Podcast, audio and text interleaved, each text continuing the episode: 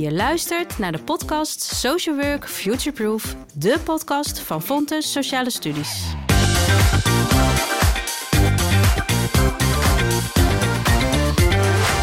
Welkom bij deze aflevering over het onderzoek naar de transformatie jeugd in de regio Zuidoost-Brabant.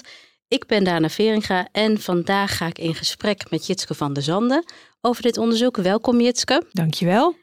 Je hebt dit onderzoek samen uitgevoerd met Floor Peels. Die kon er helaas vandaag niet bij zijn. Nee. Maar jullie waren niet met z'n tweeën in dit onderzoek. Met wie, wie waren de andere partners? Nou, dat is een heel lijstje. Want het mooie aan dit onderzoek was dat het een uh, domeinoverstijgend onderzoek was.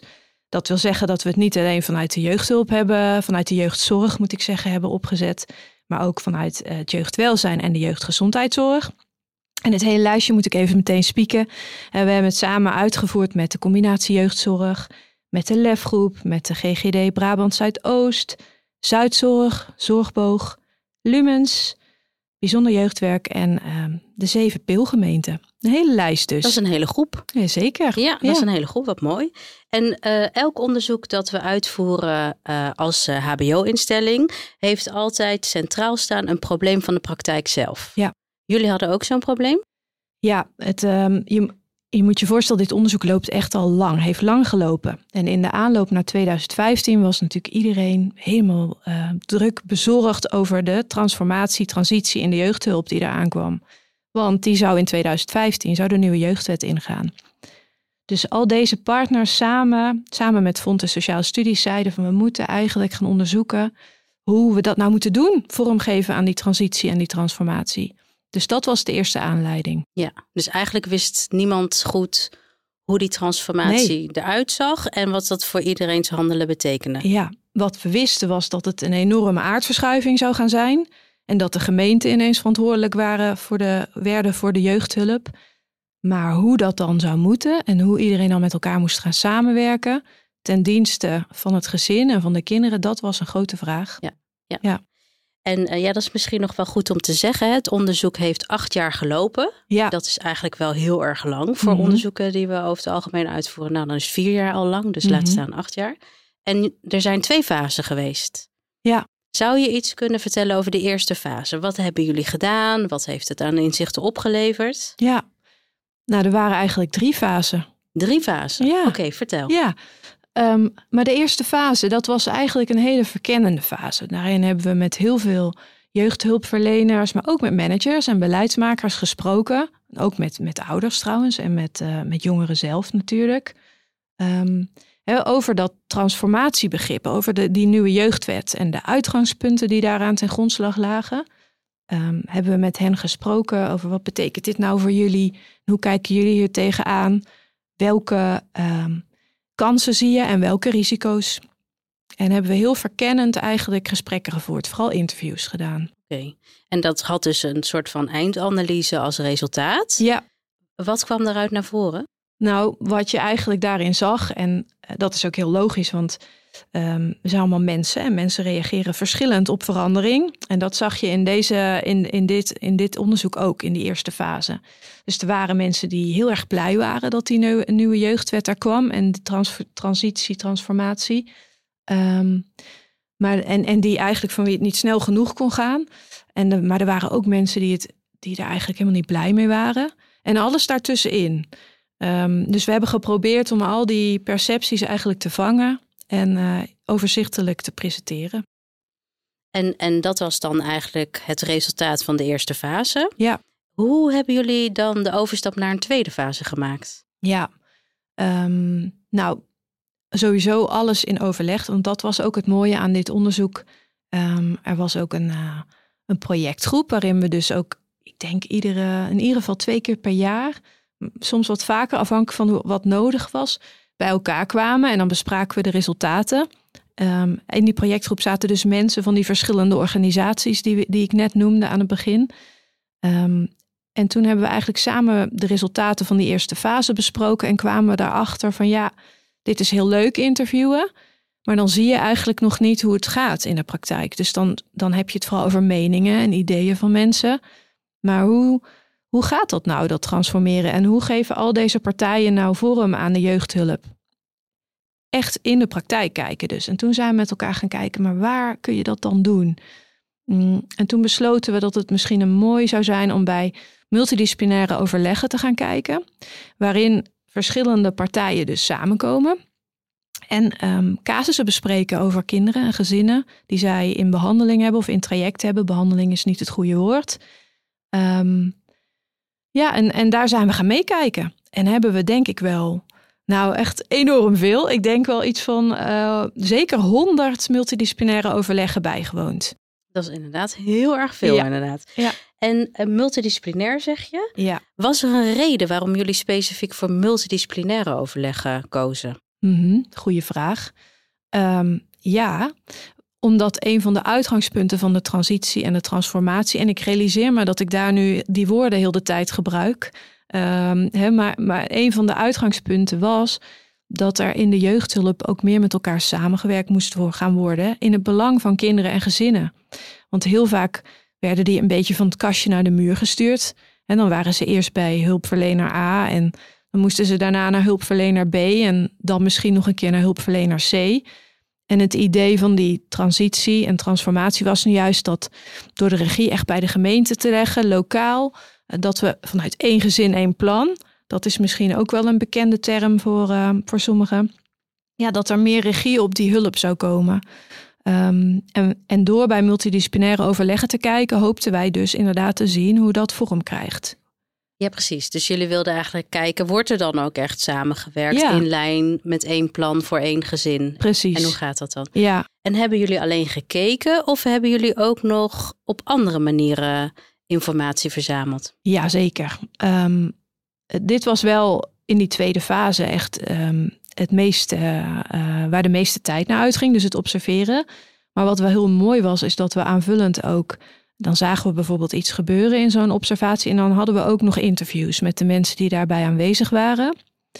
Dus we hebben ook geïnterviewd in die tweede fase. Ehm, en we hebben ook enquêtes afgenomen onder, um, onder heel veel bewoners van, um, van, van de regio hier.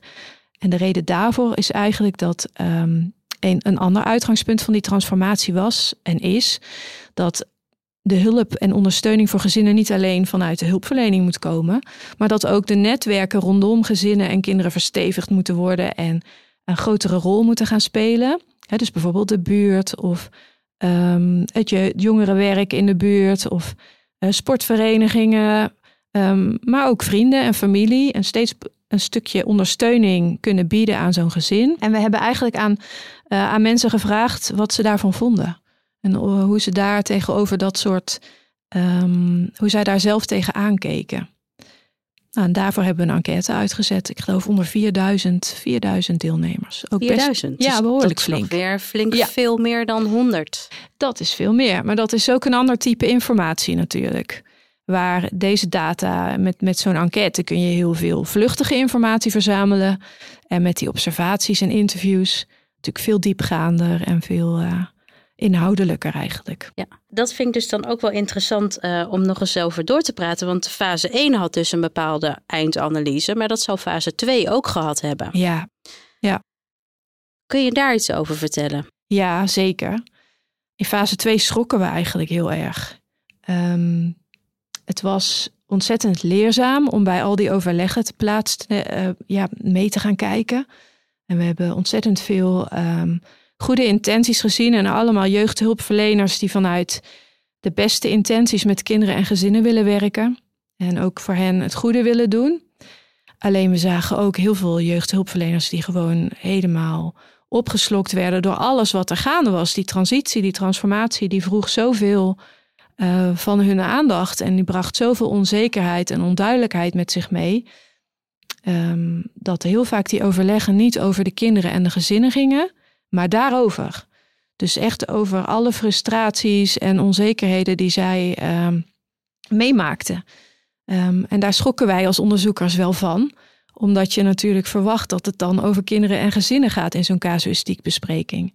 En dat was lang niet altijd het geval. En, en um, in dat totaalbeeld wat je nu mm -hmm. schetst, zijn daar bepaalde thema's die jullie, nou bijvoorbeeld in die honderd observaties of in ja. die interviews of vragenlijsten, vaker voorzaag, uh, voorzagen komen? Ja, ehm, dat waren er zes. Ehm, ehm, en, en we hebben die ook opgeschreven trouwens in een, eh, in een rapportje. Dus als het nu te snel gaat, kun je ze altijd nog teruglezen. maar de eerste heeft heel erg te maken met wat we ook wel eens rolverwarring noemen. Heel veel jeugdhulpverleners waren aan het worstelen met de vraag van wat is nu nog mijn taak? Want er verschoof heel veel door die transformatie. Um, en, en rollen veranderden. Wat je daarvoor, voor 2015 gewend was, werd misschien ineens heel anders. Bijvoorbeeld omdat je ineens lid was van een wijkteam en toch een iets andere opdracht had dan dat je daarvoor had. Um, dus daar waren mensen naar op zoek. Ja, wat, wat, waar ben ik nu eigenlijk van en wat moet ik precies doen? Ja. ja. Dus dat was, dat was een eerste. Ja. Een tweede had, had heel erg te maken met um, onzekerheid met twijfels over, kan ik dit eigenlijk wel? Dat ook wel getypeerd. Um, soms zag je in bijvoorbeeld wijkteams um, mensen die, die niet per se vanuit een jeugdhulpachtergrond hadden, maar die wel nu met jeugdkwesties moesten gaan werken. En die dan twijfelden van heb ik wel voldoende bagage om, uh, om deze casuïstiek te kunnen, te, kunnen, ja, te kunnen behandelen en te kunnen bespreken. Dus twijfel over het eigen kunnen. Um, soms ook, en dat was wel een hele belangrijke. En, en, de derde was, was eigenlijk een, een, een wantrouwen richting elkaar. Dat zagen we ook heel erg. Van een soort twijfel over kunnen wij elkaar wel vertrouwen. Um, mensen die, dus ik noemde net het voorbeeld van zo'n wijkteammedemerker die misschien helemaal geen ervaring in de jeugdhulp had.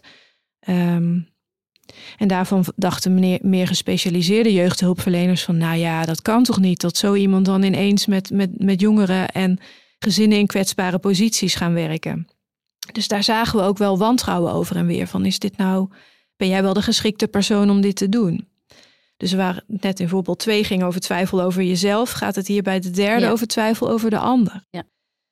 Een vierde thema wat we zagen was tijdsdruk. En ik denk dat dat niet nieuw is voor de jeugdhulp dat dat ook voor de transitie al zo was. Um, maar ja, we hebben het toch weer genoemd, omdat het dus niet een, een iets is wat is afgenomen. Er, was, er waren nog steeds heel veel lange wachtlijsten. Um, in de vergaderingen stonden soms wel twaalf casus, casussen op het programma in anderhalf uur. Um, hè, dus ja, gewoon veel te doen in weinig tijd. Ja, ja. En dan hadden we nog twee, uh, nog twee thema's. En die hadden meer te maken met de inhoudelijke uitgangspunten van de transitie en de transformatie. Uh, want een belangrijk, uh, een belangrijk inhoudelijk uitgangspunt was, wat ik net al noemde, dat we ook meer met het sociale netwerk zouden gaan samenwerken als jeugdhulpverlener. Um, en we merkten eigenlijk in de overleggen dat, dat die intentie om dat te doen er wel was, maar dat dat meer een soort instrumentele check was geworden. Dus dat iedereen dan in de overleggen zei: Oké, hebben we het sociale netwerk wel ter sprake gebracht? Oké, vinkje, we hebben het gecheckt. Maar echt, of er echt kwalitatief goed gekeken werd van welk netwerk heeft dit gezin en hoe kunnen we die nou betrekken? Daar, daar twijfelden wij een beetje over als onderzoekers. Of dat was niet te zien? Of het was in ieder geval niet te zien. En we merkten dat het vooral een soort check was geworden. ja. En dan de laatste, dat is de zesde. Um, en dat, dat een ander belangrijk uitgangspunt van de transformatie was dat we ook wat minder vanuit problemen zouden gaan denken. Ik denk dat iedereen wel weet um, dat er veel over di met diagnoses gestrooid, gestrooid wordt hè? In, uh, in de jeugdhulp in Nederland. Is er vaak gehoord, vaak gehoorde kritiek, althans. Ik zeg niet dat het altijd gebeurt, maar daar gaat het veel over in de, in de discussies. En als je artikelen leest. Dat we veel diagnoses gebruiken, veel vanuit problemen praten. En het idee van de transformatie was nou dat we ook wat meer vanuit kansen zouden gaan praten. Uh, meer vanuit wat kan dit gezin wel en welke krachten zijn hier aanwezig. En we zagen eigenlijk dat dat probleemdenken toch nog steeds wel de boventoon voerde. Dus vaak was er nog steeds een diagnose nodig om tot een behandeling te komen of tot een vervolgactie. Um, we hoorden ook nog veel diagnoses in de gesprekken en nog weinig vanuit dat kansen denken. Ja. Dus dat is eigenlijk best wel een hele rijke ja. fase geweest, als ik het zo hoor. Met een overall beeld en zes thema's. Ja. En daar zijn jullie dan mee teruggegaan naar de projectgroep om dat te bespreken. Ja, ja. dat vonden we heel lastig, want het, Want we, nogmaals, wat ik aan het begin ook zei, we zagen wel echt super goede intenties en hele um, en mensen die met het hart op de juiste plek um, in het belang van, van de kinderen wilden werken. Alleen ze werden gewoonweg opgeslokt door alles wat er gaande was in de wereld om, hem he om hen heen.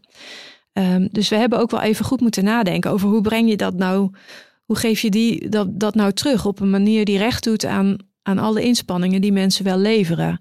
Dus we hebben dat eerst in de projectgroep besproken, maar hebben daarna ook in een symposium voor al deze partners die ik aan het begin noemde, maar ook voor um, anderen die geïnteresseerd waren, hebben we ook uh, deze bevindingen teruggekoppeld. En, en deze bevindingen hebben weer geleid tot een derde fase. Ja, zeker. In de derde fase, want, want dit was nogal um, een klein beetje een fase waarin het ging over wat gaat er dan niet goed. Hè? Um, en vanuit wat ik net zei, het is belangrijk om ook naar krachten te kijken. Dat geldt voor onderzoek ook.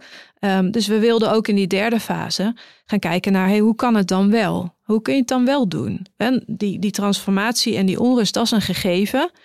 Maar zijn er plekken waar het wel lukt om in het belang van de kinderen en de gezinnen te werken? En wat het leuke was na dat symposium, waren er een paar mensen die zeiden: ja, maar wij herkennen dit niet. Bij ons gaat het anders. En eigenlijk zijn we zo in de derde fase van het onderzoek gerold. Daarin zijn we uh, niet meer zoveel als in de tweede fase, maar zijn we bij een aantal praktijken gaan meekijken. Waarvan stakeholders zeiden: Nou, kijk, daar lukt het wel om dat gezin en dat kind centraal te houden. Ondanks alle onrust die er in het werkveld is. Oké. En dat zijn we gaan doen. Ja, en dat maakt natuurlijk wel heel erg nieuwsgierig. Want wat gebeurde daar nou dat het wel lukte om het kind en het gezin centraal te houden? Ja, ja, dat, dat, dat is een goede vraag. En wat we daar zagen, en uh, dat zijn drie, drie dingen, um, is dat op de eerste plaats de kinderen en de gezinnen centraal stonden. Ja, dat is eigenlijk een antwoord op wat, je, op wat, wat jij net zei, maar dat klinkt ook zo logisch. Maar toch zagen we in de tweede fase dat, um, dat het niet altijd het geval was. En, en bij deze teams um, zaten de kinderen nou niet altijd de kinderen, want die zijn soms te jong, hè, maar dan de ouders of de jongeren echt letterlijk aan tafel. Ze waren een volwaardig gesprekspartner. Uh, dus soms zaten ze bij overleggen. Um, of ze werden actief betrokken bij het maken van behandelplannen.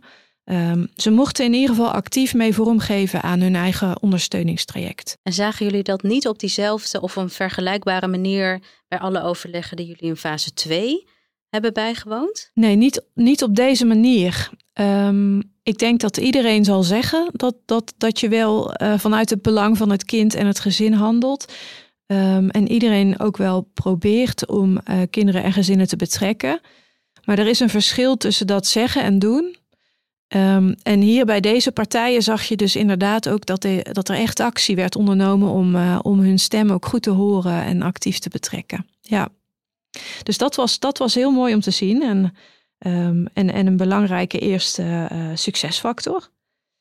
Een tweede was dat um, het team, de teams, want ook hier volgden we dus weer multidisciplinaire teams, ook heel goed wisten waar ze voor stonden. Um, ze hadden een heel duidelijk beeld van waar zitten mijn kracht, waar zitten onze krachten en waar houden die op. Um, ook dit klinkt heel logisch.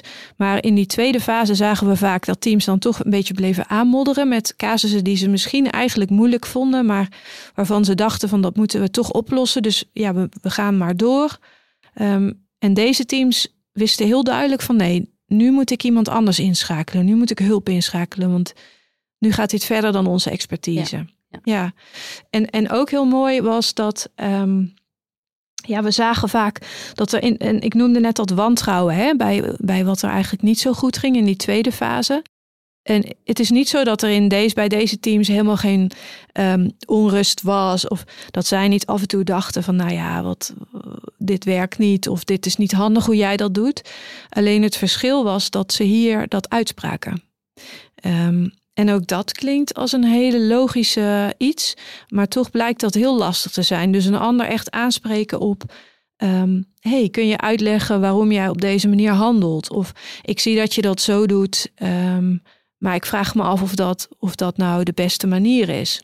Um, dat gebeurde niet overal en dat gebeurde in deze teams wel. Zij gingen dus steeds elke keer proactief het gesprek aan als ja. er iets een beetje strubbelde of ja. uh, niet soepel liep. Ja, want wat we in de tweede fase zagen was dat dat eigenlijk achter gesloten deuren gebeurde. Dus dan, liep, uh, dan was er in zo'n multidisciplinair team bijvoorbeeld iemand uitgenodigd van een ander team. Ik noem maar even een voorbeeld, bijvoorbeeld uh, een expert. Of uh, in een, in een expertteam werd iemand van het wijkteam uitgenodigd um, om toelichting te geven op een casus. En dan ging, ging die persoon weg. En eigenlijk als dan de deur dicht, nog de deur was dicht. En dan begon iedereen daarover zijn onvrede te uiten. En vragen te stellen van nou hoorde je dat? Hoe, dat? Dat is toch niet goed of dat kan niet? Wat vinden jullie daarvan?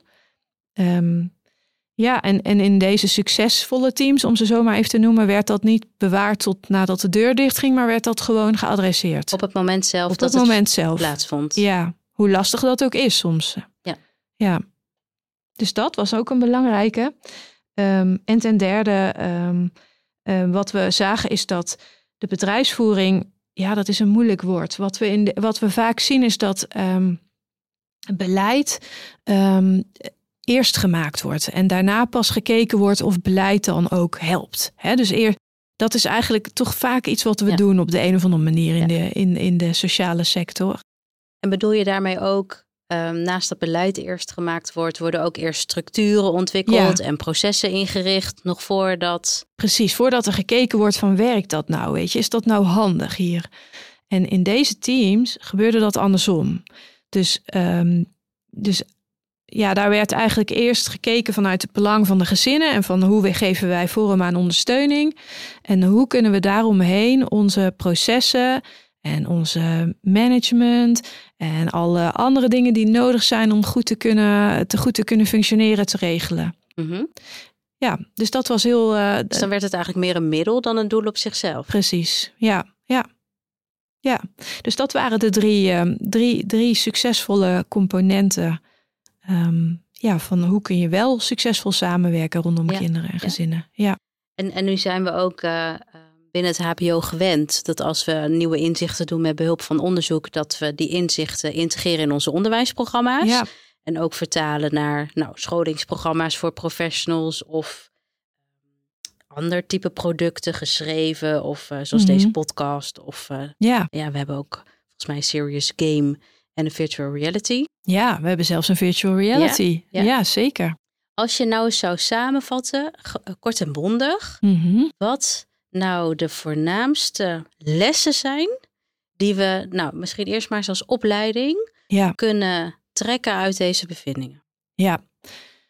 Ja, daar hebben we natuurlijk ook lang over nagedacht. Ehm, er zijn veel lessen om te leren, maar ik denk een hele belangrijke en meer een overstijgende is dat je ehm, als jeugdhulpverlener, sociaal werker met uitstroomprofiel jeugd, ehm, dan kom je niet, dan kun je, hè, dan, je leert natuurlijk hoe je gesprekken voert en hoe je eh, met kinderen en jongeren samenwerkt.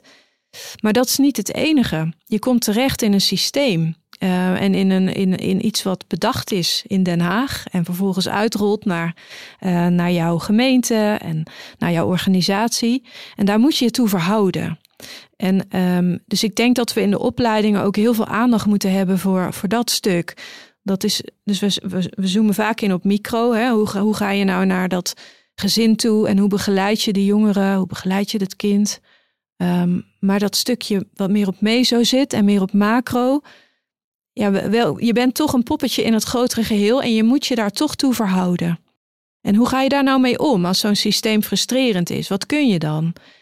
Kun je dan überhaupt iets als, als, eh, als sociaal werker, als jeugd- en gezinsprofessional? Of, of moet je je dan maar daarvan afkeren? En ik denk dat dat te makkelijk is. Dus het is belangrijk om ook in de opleidingen aandacht te hebben voor wat kun je dan wel? Ja, en, eh, en hoe kun je dan toch je stem gebruiken of je, je cirkel van invloed gebruiken om, ehm, om iets met dat systeem te kunnen? En, en ehm, bij meer aandacht hebben voor, nou ja, eigenlijk een beetje de, de nationale dynamiek en misschien ook wel de internationale Ja. dynamiek op bepaalde thema's.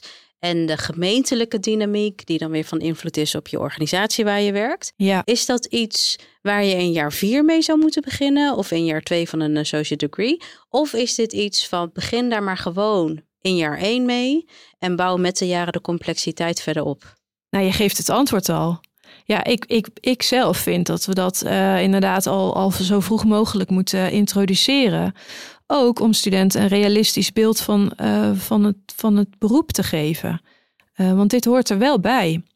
Um, en, en inderdaad, je moet niet meteen een jaar één met een grote en met enorm complexe, complexe vraagstukken beginnen. Maar zeker, daar kun je wel al een basis leggen. Ja. ja. En, en hetzelfde is gebruikelijk om te doen voor professionals die al werkzaam zijn. Hè? De studenten zijn onze toekomstige professionals, maar er is ook al een hele groep nu aan het werk. Op basis van dit onderzoek zijn daar ook concrete aanbevelingen te formuleren voor deze groep professionals? Ja, um, sowieso is het wel goed om te noemen dat we al deze uh, bevindingen, want ik noemde net de projectgroep en een symposium, maar we zijn ook um, naar al die teams teruggegaan. Waarin we, iedereen, waarin we ze ook allemaal de bevindingen hebben teruggekoppeld. Dus op die manier hebben we ook direct aan, uh, aan de mensen die hebben meegedaan, hopelijk um, ja, al, al kunnen teruggeven van wat onze bevindingen waren. En hebben zij daar ook mee uh, weer, weer wat mee kunnen doen.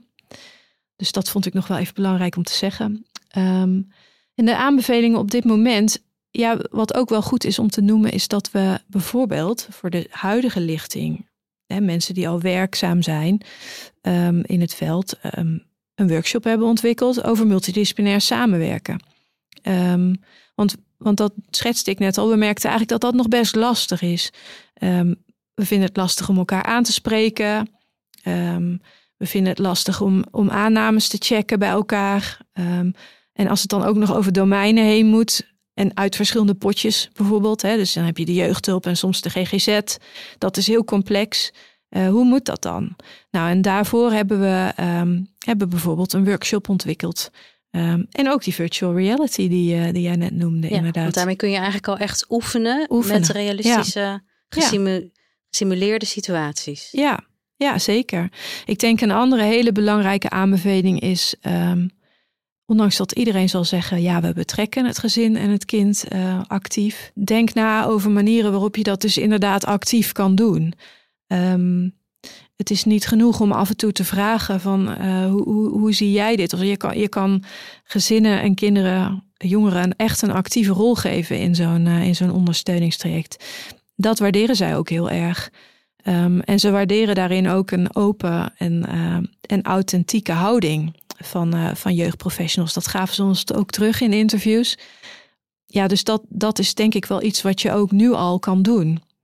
Iedereen. Eigenlijk. Iedereen, ja. ja. absoluut. Ja. En ook gewoon vanaf moment één. Iedereen en vanaf moment één. Ja. En wat me nog te binnen schiet is, want dit onderzoek is specifiek uitgevoerd in de regio Zuidoost-Brabant. Dat is een regio die bestaat uit 21 gemeenten. Mm is het nou denkbaar, en dat ik weet dus dat dat niet onderzocht is, maar is het denkbaar dat de bevindingen die jullie in deze regio hebben opgedaan ook resoneren, um, ook gedeeltelijk of geheel van toepassing zouden kunnen zijn op andere regio's in Nederland? Ja, dat is ook een hele goede vraag. En dan zijn we als onderzoekers altijd een beetje voorzichtig, hè? want dan zeggen we inderdaad van ja, we hebben dat hier in deze regio met, um, met een natuurlijk ook, ondanks dat het een groot onderzoek was, uh, maar toch tegelijkertijd ook een beperkt aantal teams. Uh, um, dus dan zijn we, zijn we voorzichtig in, in dat soort generaliserende uitspraak. Maar uh, we weten natuurlijk op basis van, ik geloof dat nog niet eens zo heel lang geleden de Sociaal-Economische Raad, een heel, de SER, een heel kritisch rapport over de jeugdhulp in Nederland geschreven heeft. Um, en daarin zie je ook thema's terugkomen die wij ook in ons onderzoek gevonden hebben. Um, we hebben deze resultaten natuurlijk ook gedeeld op, uh, op landelijke uh, congressen of conferenties. En daarin herkennen mensen zich ook vaak in de resultaten. Dus ja, ik ben er voorzichtig in, want we hebben het niet daar onderzocht. Maar ik zie wel dat er aanleiding is om te denken dat het ook op andere plekken zo uh, aan de orde is. Ja. ja. Ja, dus het zou dus nog best interessant kunnen zijn om in de toekomst misschien met andere regio's samen te werken en te kijken of er ja, vergelijkbare thema's of rode draden te identificeren zijn tussen die verschillende regio's. Ja, goed idee. Nou, met dat idee gaan we dan zeker aan de slag. Dat is dan iets voor later. Voor nu wil ik je heel erg bedanken voor dit interessante gesprek. Nou, jij bedankt voor het stellen van de vragen. Was leuk. Vond ik ook.